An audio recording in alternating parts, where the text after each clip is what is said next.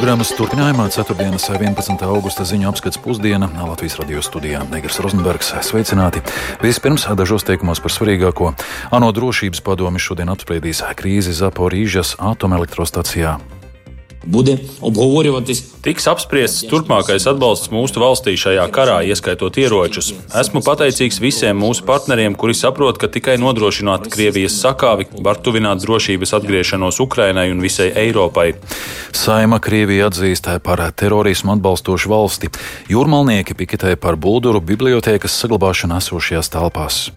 Jūrmālas domas lēmumi vairumā gadījumā ir domāti, lai izpatiktu biezajiem turistiem. Jā, ir dažādiem svētkiem. Mēs ļoti daudz naudas izmetam gaisā. Lai biblioteka apkurinātu, ir vajadzīgi tikai nedaudz vairāk kā 20 tūkstoši. Nu. Plašāk par šīm un citām vēstījumiem turpmākajās minūtēs.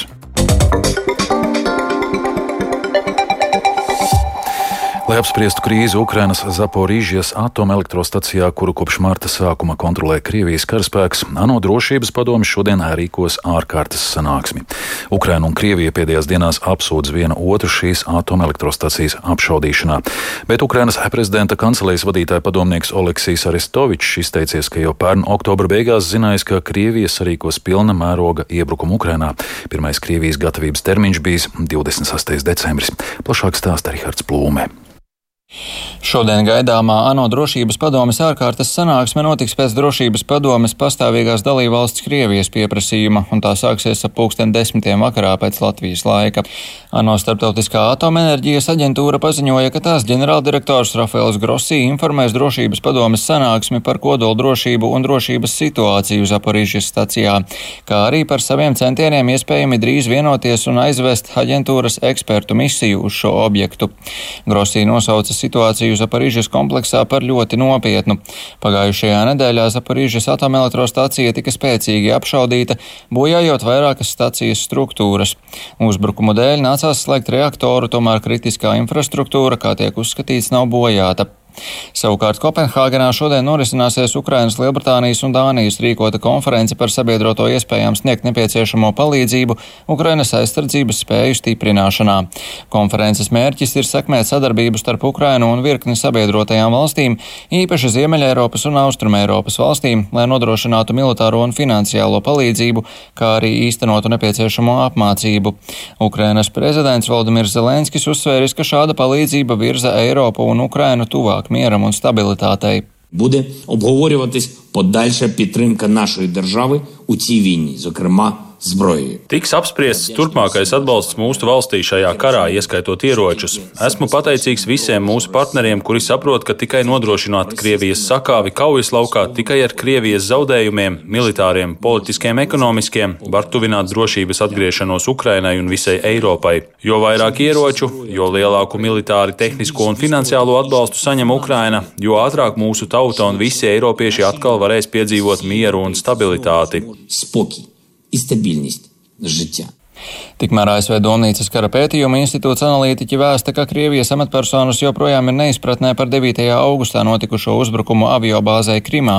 Jauni satelīti attāli apstiprinājuši Ukrainas gaisa spēku ziņojumus, ka uzbrukumā tika iznīcinātas vismaz astoņas Krievijas lidmašīnas, kas ir pretrunā Krievijas apgalvojumiem, ka sprādzieni nav nodarījuši bojājumus nevienai lidmašīnai un nav notikuši uzbrukuma rezultātā. Neviens joprojām nav uzņēmies vainu uzbrukumā. Bet Baltkrievijā šonakt Zjabrovkas lidlaukā bija dzirdamas sprādzienu skaņas un redzami zīpšņi. Militārais objekts atrodas Gomaļas reģionā. Pēc Baltkrievijas aizsardzības ministrijas teiktā pie vainas esot kādas tehnikas aizdegšanās un bojā gājušo nesot.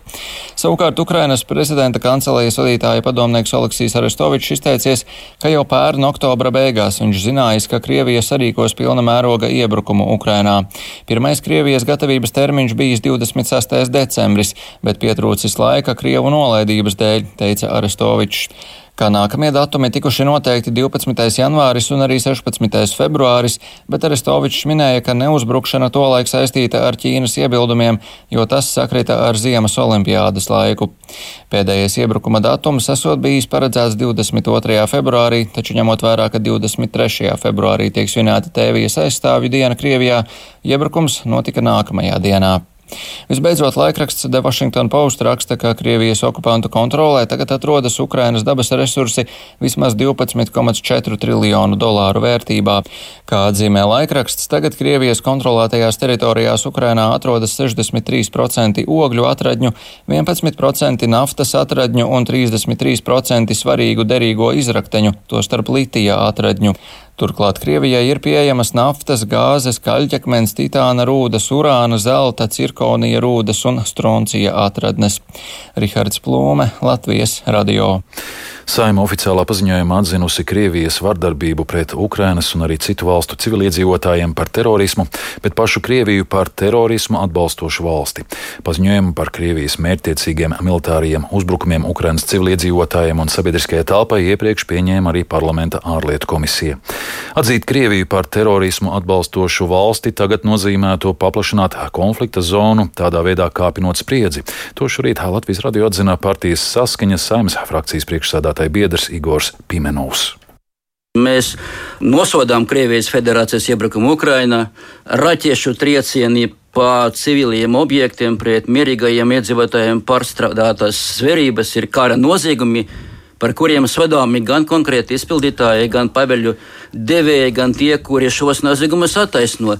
Tomēr sankcijas, kuras ASV jau piemēro, pret Krieviju faktiski jau pārsniedz tas, kuru piemēro pret valstīm sarakstā, uh, kuras iekļautas četras valstis nu, pasaulē. Dēļ tā, ka Krievija astoņu gadu laika atbalstīja separatistus Ukrainā, noteikti Krievijai terorismu atbalstošu valsts apzīmējumu tagad nozīmētu paplašināt konflikta zonu, tāda veida kapinot spriedzi, kas būtībā ir iebrucēja intereses. Vai tad spriedze jau šobrīd nav pietiekama liela un varbūt tieši otrādi šī spriedze tieši jāpalielina, lai Krievija izbeigtu savu kārdarbību? Vai jūs gribat tādu tā kā nomierināšanas Konflikta. politiku, kurā mēs mēģinam pa labam ar Krieviju? Katra jauna iniciatīva jābūt ļoti detalizētai, pārdomātai un ļoti racionālai. Es gribētu pievērst uzmanību tam, ka Amerikas eksperti arī pauž savas šaubas.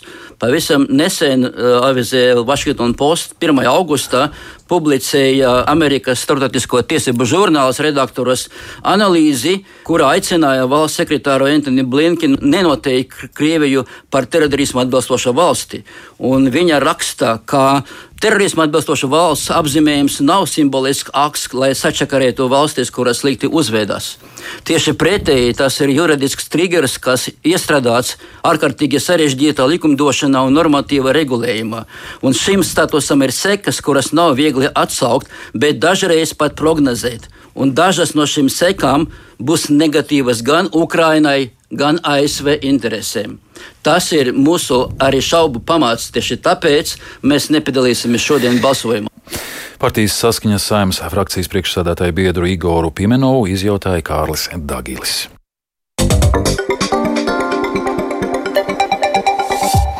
Novēršot nepilnības e-pakalpojumu pieejamībā, valsts pārvalde finanšu un cilvēku resursus varētu izmantot efektīvāk.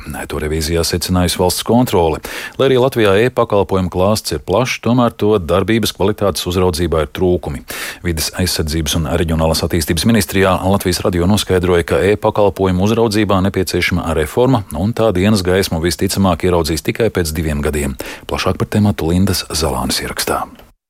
Pēdējos piecos gados valsts pārvaldes izdevumi informācijas tehnoloģiju pakalpojumiem un tās infrastruktūras uzturēšanai pieauguši no 41 miljona līdz 64 miljoniem eiro gadā. Vienlaikus aplēses par informācijas sistēmu un e-pakalpojumu nepieejamības izmaksām nav veiktas, tā revīzijā secinājusi valsts kontrole. Valsts kontrolieris Rolands Irklis pauž, ka arvien vairāk cilvēku izmanto e-pakalpojumus, proti, ja 2019. gadā tos izmantoja nedaudz nedaudz vairāk nekā 3 miljonus reižu, tad pagājušā gadā jau vairāk nekā 8 miljonus reižu. Arī e-pakalpojumu klāsts ir plašs. Latvijā valsts iestādes piedāvā vairākus tūkstošu e-pakalpojumu. Tomēr to darbības kvalitātes uzraudzībā ir trūkumi. Proti, normatīvajos aktos ir noteikts sasniedzamais pieejamais līmenis, tomēr iestādēm nav skaidrs, kā to nodrošināt, kā uzraudzīt un kā mērīt. Lai arī ir noteikti kriteriji, proti, ir paredzēts ar ministra kabineta noteikumiem, ka pakalpojumiem jābūt pieejamiem 98% no laika tad faktiski nav neviens, kas šo sistēmu uzraudzītu, skatītos, vai šie kriteriji tiek izpildīti. Ļoti daudz iestādes pašas nemaz nemonitorē, vai viņi šos rādītājus sasniedz vai nesasniedz. Un faktiski daudzos gadījumos mēs ieguvām atbildes, kas bija balstītas uz viedokļiem, nevis uz uh, tādiem reāli iegūtiem datiem. Irklis pauž, ka lai gan valsts informācijas sistēmas un IKT resursu uzskaitas sistēma vārdā Virsis ir izstrādāta un ir ieviesta kopš 2020. gada janvāra, tajā uzskaitītie dati ir nepilnīgi. Revīzijas laikā gan Vides aizsardzības un reģionālās attīstības ministrija, gan aizsardzības ministrija ir spērusi soļus problemātisko jautājumu sakārtošanai. Vides aizsardzības un reģionālās attīstības ministrijas valsts pārvaldes pakalpojumu attīstības departamenta direktors Uģis Bisenieks teica, ka IKT resursu uzskaitas sistēma ir tikai bāze uzraudzībai, bet ar to ir par maz. Redziet, nav sāls tajā sistēmā. Ir jānodrošina procesi. Sistēma pati par sevi jau ir faktiski tikai bāze vai nodrošina pamat informācijas bāzi, lai varētu pārvaldīt IKT resursus. Uz Latvijas radio jautājumu, kādi būs tālākie soļi, lai e-pakalpojumu uzraudzību patiesi nodrošinātu, Uģis Bisenieks pauž šādi. Nu, mēs esam uzsākuši politikas izstrādi jau šogad un plānojam nākamajā gadā, 23. gadā, valdībā šo vienoto politiku apstiprināt. Tur vēl būs saskaņošanas process ar iestādēm, noteikti būs izskaidrošanas darbs, jo tiešām šī ir nozīmīga transformācija, nozīmīga reforma, tā skars katru vienu iestādi. Es gribētu teikt, katru vienu iestādes darbinieku, nu, tad attiecīgi valdība šo reformu, politiku apstiprinās, tad arī tiks veikti nepieciešami pielāgojumi tiesību aktos, notiks vadlīniju izstrāde, tas jau būs no drīzāk 24. gada ietvaros, lai jau precīzi reglamentētu iestāžu pienākumus. Un iestāžu pamatfunkcijās tiktu nodrošināts, ka pakalpojumu piemība tiek ikdienā uzraudzīta un analizēta. Šobrīd valsts pārvaldē nav zināms, kādai ir jābūt pakalpojumu pieejamībai, un pēc Uģa Bisenieka teiktā, tā nereti ir brīva valsts iestāžu interpretācija, tāpēc ir nepieciešama vienota pieeja. Linda Zalāne, Latvijas radio. Pie Jūrmālas domas šodien notika pikets par Bulduru bibliotēkas saglabāšanu esošajās telpās, jo to paredzēts pārcelt uz dubultiem. Bibliotēkas vietā daudz mazākās telpās piedāvā grāmatu izsniegšanas punktu, kā arī datoru punktu. Savukārt no rudens plāno likvidēt bibliotēku asaros. Jūrmalnieku protestam sekoja līdzi kolēģe Linda Spundiņa, kur šobrīd pievienojusies studijā. Sveika, Linda! Sveiks, Aigar! Labdien, klausītāji! Pastāst vairāk, kāpēc jūrmalnieki piketē.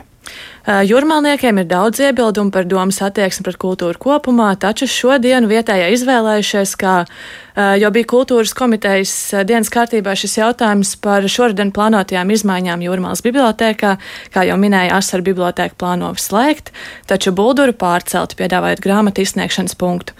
Paklausīsimies piketa organizatoras rakstnieces Jānis Veinbergas teiktajā.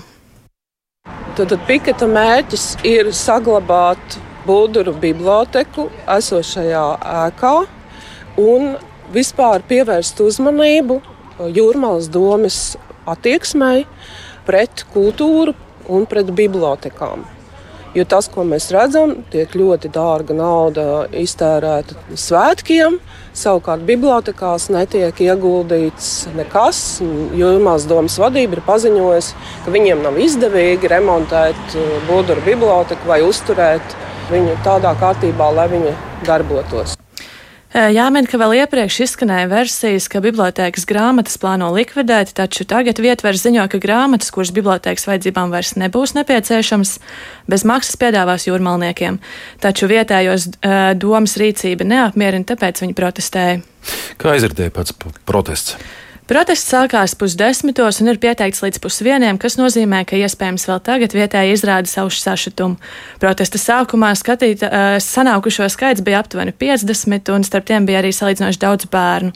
Jūrmalnieki bija bruņojušies ar plakātiem, uz kuriem vēstīts, piemēram, rokas nos no mūsu bibliotēkas. Bultūra bibliotēkai jāpaliek šeit.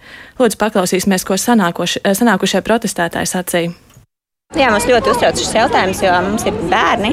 Mēs dzīvojam netālu no Bultūra bibliotekas, un mans vecākais dēls ir liels lasītājs. Tas ir arī pateicoties bibliotekārai, kas spēja ieinteresēt. Arī, nu, tas ir um, jauki, ka biblioteka ir tuvu, bērns pats uz viņu var aizdoties.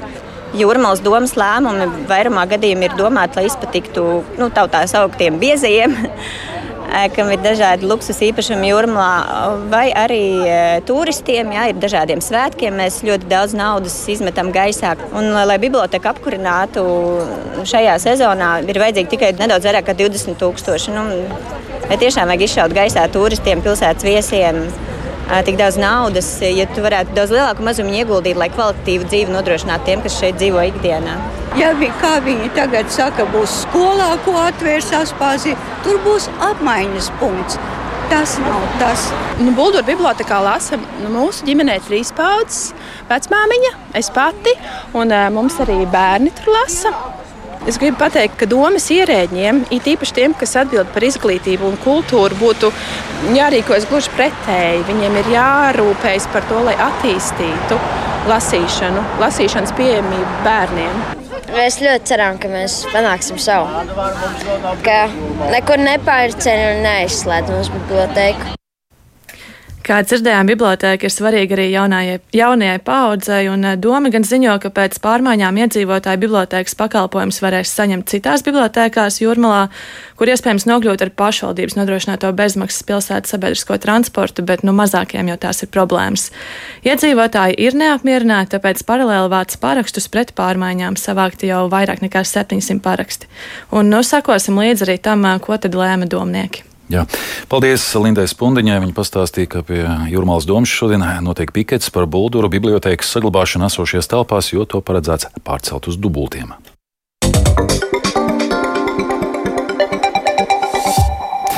Nacionālās sporta padomjas sēdēs šodien diskutēja par valsts sporta budžeta līdzekļu administrēšanas kārtību no nākamā gada. Izglītības un zinātnes ministrija sagatavojusi tiesību aktu grozījumus, lai jebkura Latvijā atzītā sporta federācija valsts budžeta naudu turpmāk saņemtu no Latvijas sporta federācija padomjas ar vienu līgumu, tādējādi novēršot konstatētos trūkumus sporta nozares finansēšanas modelī. Iesaistītās puses jau pirms sēdes pauda, ka reforma ir sasteigta un nav izrunāta ar sporta nozares pārvaldītājiem. Sēdē līdzi sekoja arī kolēģis Mārtiņš Kļavinieks, ar kuru esam sazinājušies tiešraidē. Sveiks, Mārtiņ! Sveiks, Aigar, un sveicināt arī Latvijas radio klausītāji! Kā noritēja sēde un vai ir pieņemti kādi lēmumi? Ja nu sēde sākās laikus, desmitos no rīta bija noteikts tās sākuma laiks, visi dalībnieki attālināti arī ieradās uz to laikus un sēde sākās, protams, apstiprinot sākotnēji mm, sēdes protokolu un tātad dienas darba kārtību. Nu, un pirmais punkts tad arī bija tieši, ko tu jau minēji par šo te līdzekļu administrēšanas kārtību tieši sporta nozarei no nākamā gada 1. janvāra.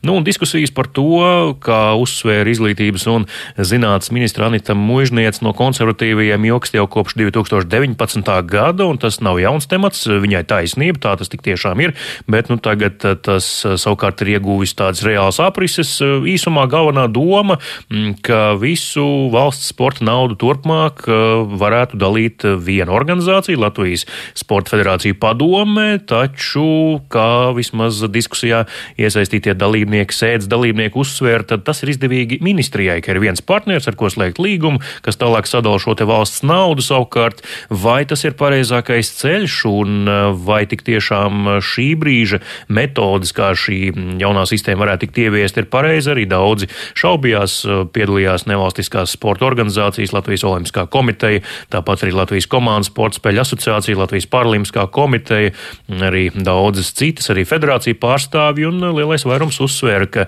tieši šis konkrētais modelis ar viņiem nav izdiskutēts, nav izstāstīts, kā tas darbosies, kā mainīsies katras organizācijas loma, un uh, Latvijas Olimpiskā komiteja pauda pamatots bažas par to, ka šis konkrētais laiks ir pusceļš gatavošanās posmam Parīzes vasaras Olimpiskajām spēlēm, kas noritēs jau 2024. gada vidū, un darīs pašiem sportistiem un ne tikai organizācijām. Tas varētu būt tāds nu, liels uh, laika posms, kamēr saprast, kā tad tā jaunā lietu kārtība notiks. Nu, un beiga beigās, um, jā, nekādi konkrēti lēmumi šajā jautājumā netika pieņemti, vien uh, vienojās uh, sporta padomas dalībnieki, ka diskusija turpināsies un, un visas iesaistītās puses uh, tiks iesaistīts šajā tālākajā diskusijā. Vēl interesanti nianse, pabeidzot šo stāstījumu par to, ka mm, vismaz ceturtais darba kārtības punkts šodien arī paredzēja, ka Latvijas basketbola savienībai no līdzekļiem neparedzētiem gadījumiem valsts piešķirt vairāk nekā 123 tūkstošus, ko savukārt Latvijas Basketbola Savienība pēc tam nodot Ukrainas Basketbola Savienībai, kurai kara dēļ trūkst naudas, un, kā zināms, šīs valsts vīriešu izlase jau aizvadījis vairākas spēles Latvijā un aizvadījis arī augustā tās Latvijā. Nu, līdz ar to šis lēmums, šāds te projekts tika atbalstīts, nu, un tagad arī atlicis vien ministru kabinetam pieņemt galējo lēmumu par šo līdzekļu piešķiršanu Ukrainas basketbola federācijai. Nu, tā īsumā par to, kas šodien notika Nacionālās sporta padomes sēdē. Paldies, Mārtiņa!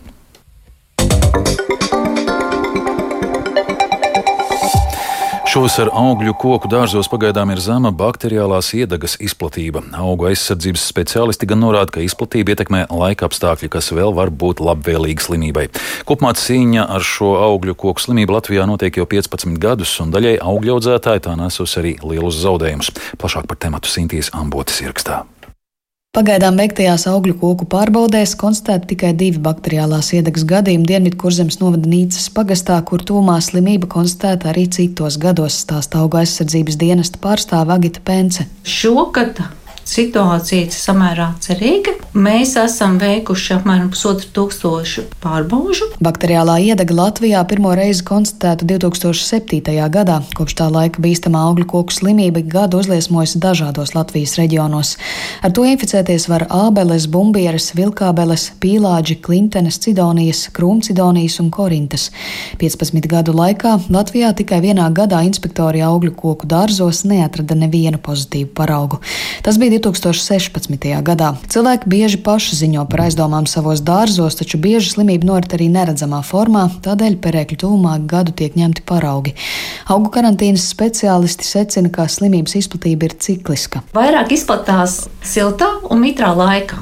Ir šis tuvais izplatības veids no koka uz koku, no mājas uz māju, kur var arī ar rokām aiziet pie kaimiņa, nolauž zariņu vai savām šķērēm, tad aiziet pie otra kaimiņa, sagriež un atkal citus zarus nogriež. Un šis tālais ceļš no vienas valsts uz otru stādiem. Zemnieku saimniecības klīves pārstāvis Māris Šņitskovskis stāsta, ka ar bakteriālo iedagu sadzīvo jau aptuveni desmit gadus, kas nesis ne mazums zaudējumu augļu dārzam. Nu, nav reģistrēti nekādi, teiksim, fungicīdi, ar kuru varētu viņu apkarot, un mums viņi bumbierēs, ik pa laikam atkal uzliesmo, un, nu, mokamies ar viņu, jo sanāk, ka jāizzāģē ne tikai tas, ka bojātais koks, bet arī uz katru pusi pa vienam kokam, izzāģēt viņu ārā, jāmeklē atkal ir stādi, ko, un tur ir karantīnas periods, trīs gadi. Augļu kopju asociācijas valdes locekle Dace drošprāt novērojas, ka kopš slimības izplatības sākuma saimniecības ir pielāgojušās dažādās bakteriālās iedegas riskiem un mācās ar to sadzīvot līdzīgi, kā sabiedrība cenšas sadzīvot un ierobežot Covid-19